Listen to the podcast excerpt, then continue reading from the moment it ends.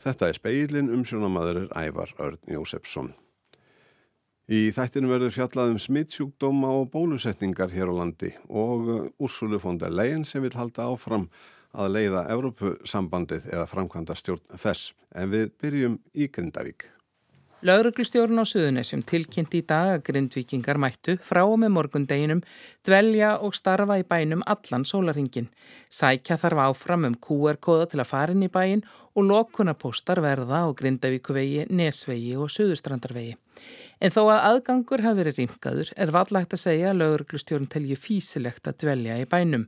Segir reyndar í tilkynningu að aðstæður sé ekki bóðulegar fyrir búsettu í húsum og hann býst ekki við að margir kjósi að dvelja þar nætu langt þó að það sé heimilt. Íbúar og starfsmenn farin í bæin á eigin ábyrð. Hver og eitt verður að bera ábyrð og eigin aðtöfnum með aðtafnalesi. Lauruglustjóri tekur skýrt fram að Grindavík er ekki staði fyrir barnafólk eða börnalegg. Þar eru ekki starrætti skólar og innviðir eru í Lamassessi. Stoflögn heitavatsins til bæjarins lekur að því er talið er undir rauni en leitaðir bilunar. Það eru tilmælið til fólks að ekki sé hróplað við steillingum heitavats í húsum. Kallt vatn er ekki komið á og því ekkert nesluvatn. Aðstæður eru því aðrar en þær sem telja má báðlegar fyrir búsettu í bænum. Þrátt fyrir þetta fagnar Ásrún Helga Kristinsdóttir fórseti bæjastjórnar í Grindavík tíðendónum. Mér finnst mikilvægt að kallið meðal annars fyrirtækja hefur verið svarað en, en það kemur fram í þessari tilkynningu að, að það er ásættanlega áhætta sem að hægt er að orða með þeim hætti að þessi hættulegt þeim sem að fara ekki öllum, öllu með gátt. Það er hættulegt að vera í bænum. Bara ég fagnar svo samt innilega það er alltaf tíð verið ljóst í mínum huga að við ætlum að lifa þessar hamfarir af og, og fyrirtækin til dæmis gegna þar mjög veiga miklu hlutverki. Mér langar kannski að vitna í bara viðtal sem tekjum við Helgu Arnandóttir frá Bláa Lóninu. Þá rætti hún um að Bláa Lónið ætlaði að vinna með nýjan veruleika og horfa á stöðuna þannig að við erum komin inn í þetta jarðhæringatímabill.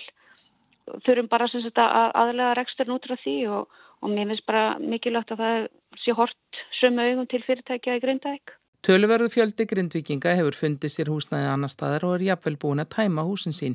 Opnunin er mikilvæg, segir Ásrún, þóttu ómögulegt sé að metta hvort og þá hver margir farið til að vera í húsum sínum, innviðnir séu laskaðir. Og það er ekkert kallt nýja heitt vatn og við vitum ekki stöðuna á frávitinni og það gefur, gefur bara auga leiða að flækjustuði búsutu við þessar aðstæðar er nokkuð. En við höfum aftur á móti lagt mikla vinnu við það að vinna að viðgerðum á innveðum og, og þessu opnun setur kannski enn meiri pressu á okkur hvað það varðar. Hvaða áhrif hefur þetta fyrir sjálfa þig? Mér finnst þetta einhvern veginn bara svona stiðja mig í því að horfa til þess að ég flytti, flytti aftur heim. Mér finnst það notalega til þess að ég er svona bjart sín bara aftur kona. Mér finnst þetta svona bara gefa mér byrjundir báða vangi. Ég, kem, ég er samt búin að fá hérna húsnaði hérna höfuborgarsvæðinu en, en allir samt að njóta þess að vera heima á nokkura tímamarka. Kapp er lagt á koma vatni á hafnasvæðið. Og það var verið að tala um svona um miðja, miðja þessa viku þá er svona ráðgjert að hleypa á kvöldu vatni og ég heyrði það líka í, í morgun að hitta þetta næra að skoða þegar vildu nú grafa upp og reyna að koma, komast að þessum leka varandi heitavatnið en, en ég held að það séu að horfa til þess núna að, að leggja heitavaslögn yfir raunnið. Eins og löglegstjóður segir það í Grindavík er ekki staði fyrir barnafólk eða barnaleik og það er ekki skólarstarfræktir. Er þau mál komin í þokkalega faraveg? Skólavist fyrir Grindvíksbönn? Uh, við náttúrulega erum með starfræktan SAP skóla hérna og hérna nokkur stöðum á höfuborgarsvæðinu og náttúrulega aðstæðanar þar eru svo sem Það eru, þetta er ekki kjöraðstæður en það hefur gengið erfilega varandi leikskólamálinn og nú eru börn á, á bygglustum sem hafa ekki komist, komist inn á, á leikskóla en það horfir til betri vegar hvað það var þar við erum opna sagt, að öllum líkindum fjórðu starfstöðina núna í næstu viku og, og þá eiga öll grindvisk leikskólabörn sem þess óska að, að hafa fengið klás og leikskóla en við erum svo sem ekki farin að horfa neitt lengra hvað, hvað þetta varðar, hvort það verði áfram starraktir sapskólar eða, eða hvað við möttum að taka, taka samtali við ráðuneyti og, á okkar fólk. Erfitt hafi verið að fá bara farin í bæin í afmarkaða og stuttastund. Það hefur gett kannski óanægi með að líbúa að, að aðrir, eins og varðandi bara gæsti blá og lónsins, við erum svo sannarlega hérna, ána með blá og lónið og, og erum ána með opnununa þar. En það er svona að íbúarnir fái bara þetta, þennan, þennan skerta tíma og líka svona á vinnutíma fólks, þannig að fólk er að taka sér frí frá vinnu. Þannig að hérna, og það er líka bara pressa, það er bara, það er, það er fyllt þessu mikið álag að ráðast inn á nokkrum klukkutímum og, og ná í búslöðuna sína. Í tilkynningu lauruglustjórnans er ítrekkað að jarðsprungur séu víða, þar geti opnast fyrir vara laust og hætta sér á jarðfalli. Opinsvæði í og við Grindavík hafa ekki verið skoðuð sérstaklega. Fólk haldi sig við gangstéttir og gautur bæjarins og forðist að fara út á lóðir og önnur opinsvæði. Grindavík er lokuð öllum öðrum en íbúum bæjarins, starfsmönnum fyrirtækja og þeim sem þurfa að aðstóða íbúa. Það eru reyni bara hérna, þessi stóra spurning, búið við grindaðið og þá hérna, flyttið við aftur og þá, og þá hvenan, það er náttúrulega bara náttúrann sem, sem að svara því sko. En þetta, svona, þetta er bara ákveði ljós fyrir okkur. En svo bara býðum við samt eftir nýju gósi, þetta er náttúrulega alveg ótrúlega sérstakar, sérstakar aðstæðar sem við lifum við sko. Það er endalust, það bara hefst nýtt landreis og með hérna þá væntalegu gósi. Og þetta er í rauninni bara raunveruleikin og þetta er staðan sem mann bara verður að horfast í og auku við og maður, það er einhvern veginn, maður verður bara að vona, krossa fingur og vona það besta sko. Þetta sé fyrir okkur í grindaðegu og sögnesum ákjósanlegu staður. En við erum svo sem búin að vera að við erum sko hókina reynslu, við erum, erum búin að standa í þessi í, í fjögur ára en, en En já, við, þetta var svona ákveðin, ákveðin breytingarna 14. janúar. Þegar þarna opnaði gangur þarna inn í við bæjarmörki. Ég segi bara hreinskilin, þetta er mjög, mjög lí, líjandi staða og, og erfið. Það er bara að lega mér að segja. Sæði Ásún Helga. Kristinsdóttir fórseti bæjarstjórnari Grindavík. Anna Kristín Jónsdóttir talaði við hana og Arnar Björnsson var lesari.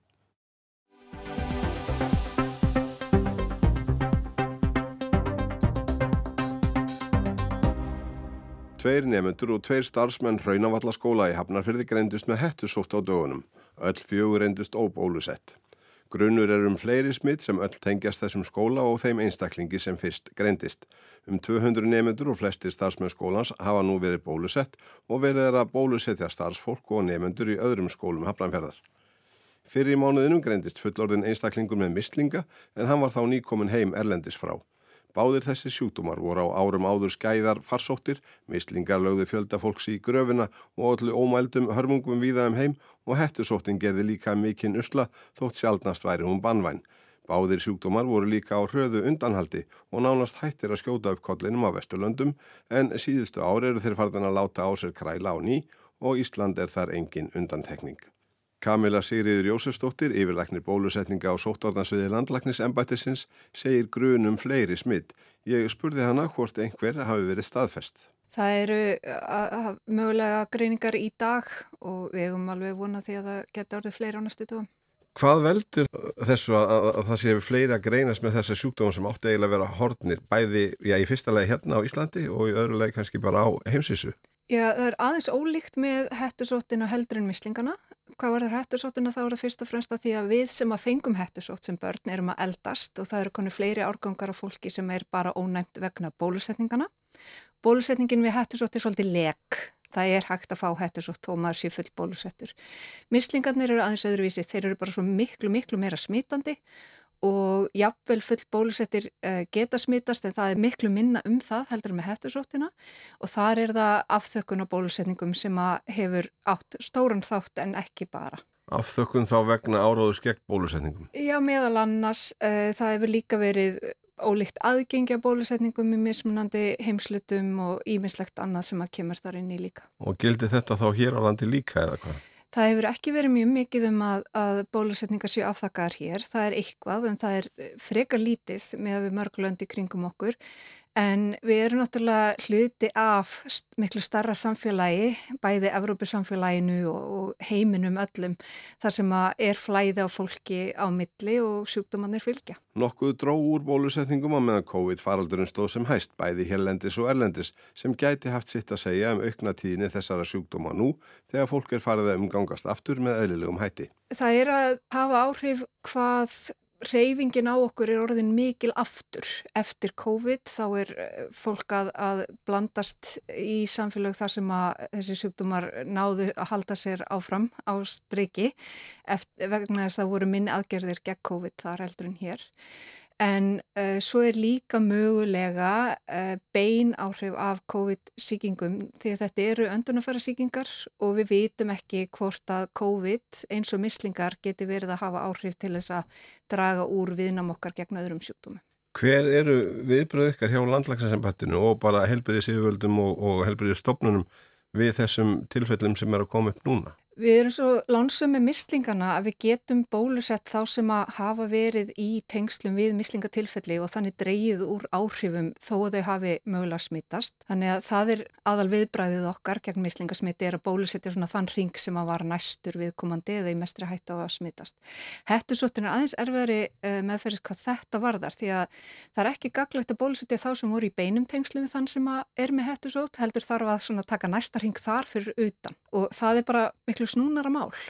Og þess vegna er þið að bólusetja öll sem er í þessum skóla mm -hmm. en líka í öðrum skólum hafnaverðar. Já, af því að það eru náttúrulega blöndun, þessi, þessi krakkar sem er í þessum skóla, þeir eru að umgangast krakka í öðrum skólum í tómstundaiðkun, tónlistanámi eða, eða í e, íþróttaiðkun og ymsu. Þannig að við þurfum að reyna að þjætta ringin sem er sagt, næstur fyrir utan þá sem er í beinum tengslu við, við þá sem að hafa smittast. Hafið eitthvað e, hugsað ykkur að fara í ennvítakari aðgerðir? Já, en það, alltaf, það þarf alltaf svolítið jafnvægi á milli þess hvað við eigum hreinlega af bólefni og ákvörðat núna þá erum við ekki með neitt svakala mikið þannig að við þurfum að vera mjög stíf með forgangsröðununa en það er meira bólefni á leiðinni og við erum svo að kanna eh, hvort að við getum jafnvel fengið ennþá meira síðar í vetur eða vor. Hver eru helstu hættunar í kringum hættusótt? Það sem við höfum eh, mestar ágjur af er að það getur valdið ófrjóðsemi hjá þeim sem að fá þetta eftir kynþróska. Eh, þetta getur líka valdið heilabolgu en hún sem betur fyrir sjálfgef og hún getur haft ímis áhrif eins og skerðing á meðvitund og flóg ákvörðat meðan fólk er veikt og getur svo haft einhver áhrif uh, þegar fram í sækir og svo er það heyrnarskerðing sem að mögulega er tölvert algeng en við eigum því miður ekki nóg góðar upplýsingar um það hvort hún er algengara ákveðnum aldri eða ekki. Í dag eru nánast öll börn á Íslandi bólusett gegn mislingum, hættusótt og rauðum hundum. Nokkrir árgangar fætust eins vegar eftir síðustu faraldra en fyrir almennar bólusetningar sem hófust 1989. Þetta er fyrst og fremst árgangarnir 1985 til 87 af því að almennu bólusetninguna byrjuðu 1989 og var það þá árgangur í 1988 sem var fyrstur til þess að við fá þetta MMR samsetta bólefni gegn mislingum hættisótt og rauðum hendum. Árgangarnir þar á undan, árgangar 84 og fyrr, þar voru miklu fleiri sem að fengu hættisótt en við ákvæðum samt varðandi viðbröðin núna þeir sem eru í þessum svona næsta ringvið smitin að fara alveg niður í árgang 1980. Þetta á við um fólki í nærum hverju hraunavallaskóla og smitaðra einstaklinga en hvað um fólk almennt sem fætt er á þessum árum 1984-7 ætti það ekki að láta bólusetja sig. Venjulega myndi ég segja það. Ákvörð núna eru við að forgangsaða bólefnu til þeirra sem eru nálagt smiti. Þannig að það er ekki hægt að óska eftir því á fáskursfyrði eða í hveragerði ákvörðat núna. En venjulega er það og verður vonand aftur þegar við fáum þessa stærri sendingabólefni. Hvað á fólk að gera sem er í vafa um hvort það sé var í gegnum svo ágæstum? Er, eru bólusetningavottor almennt fyrirlikjandi hjá ennbættum eða þarf fólk að grafa þetta upp úr skúfum? Þetta er bara til í skúfum eða ekki og eh, það gerir þetta svolítið snúnara að því að þó að við getum sett viðmiðin við ykkur ákveðin ártöla þá er náttúrulega ekkit alveg örugt í þeim efnum en það er svona þegar við erum að horfa á takmarkað aðgengi að bólefni þá horfum við á þetta mjög svart og hvitt en svona venjulega þá erum við aðeins lauslátari með að gefa það ef að það er einhver vafi og verðum það aftur verði það aftur þegar þessu átaki er lokið. Já. Kamila Sigriður Jósefsdóttir, takk fyrir komuna.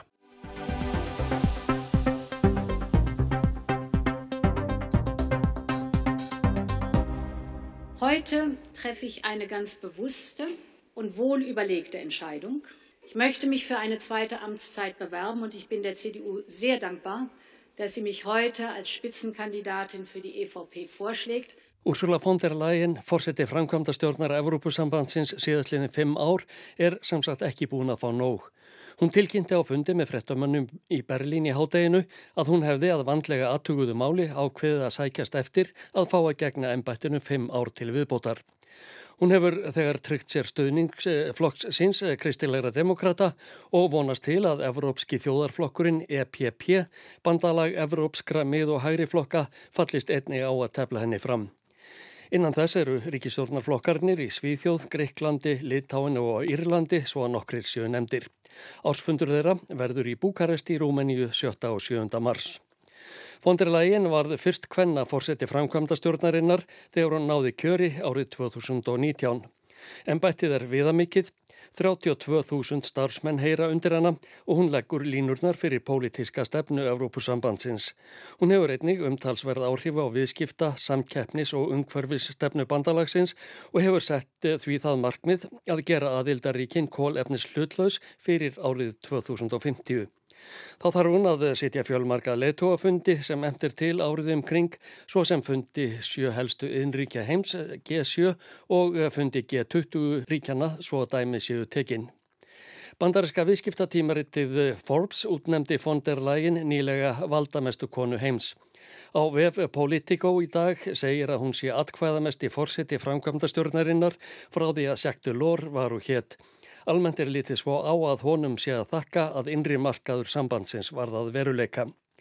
Fonderlægin er 65 ára að aldri, læknir að ment, sjö barna móðir og var tiltölulega óþægt utan heimalandsins Þískalands þegar hún var óvænt tilnemd sem næsti fórseti framkvæmda stjórnarinnar sumarið 2019. Hún hafði þó gengtar á þeirra ennbættum í öllum fjórum ríkistjórnum Angelu Merkel kanslara frá árinu 2005, þar á meðal ennbætti varnarmálar á þeirra frá 2013. Hún er sögð vinnusöm með afbreyðum og áða til að leggja sig í höfustóðum ESB í Brussel í stað þess að fara á hótel eða leia íbúð eins og fyrirrennarinnar gerðum. Síðustu fimm ár hafa ekki verið neitt dans á rósum fyrir fórsetta framkvæmdastjórnarinnar.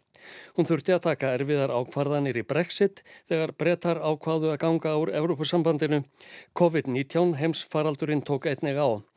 Og raunar hafa ESB London ekki náð sér almennilega á stryk efnahagslega frá því að hann reyði yfir. Einnig fekk fonderlægin um meira nóg að hugsa þegar rúsneskur herr réðst inn í Úkrænu. Hún hefur alla tíð staðið þjætt við bakið á Volodymyr Selenski í Úkrænu fórsetta, barist fyrir því að Úkrænu herr fengi fjárhagsaðstóð og sömulegis væri veitt efnahagsleg aðstóð vegna þrengingar heima fyrir. Þá lísti hún yfir stuðningi við að Úkrænu yrði bóðið til viðræðina um aðild að ESB. Leittóða ráðið félst á það í lok síðasta árs.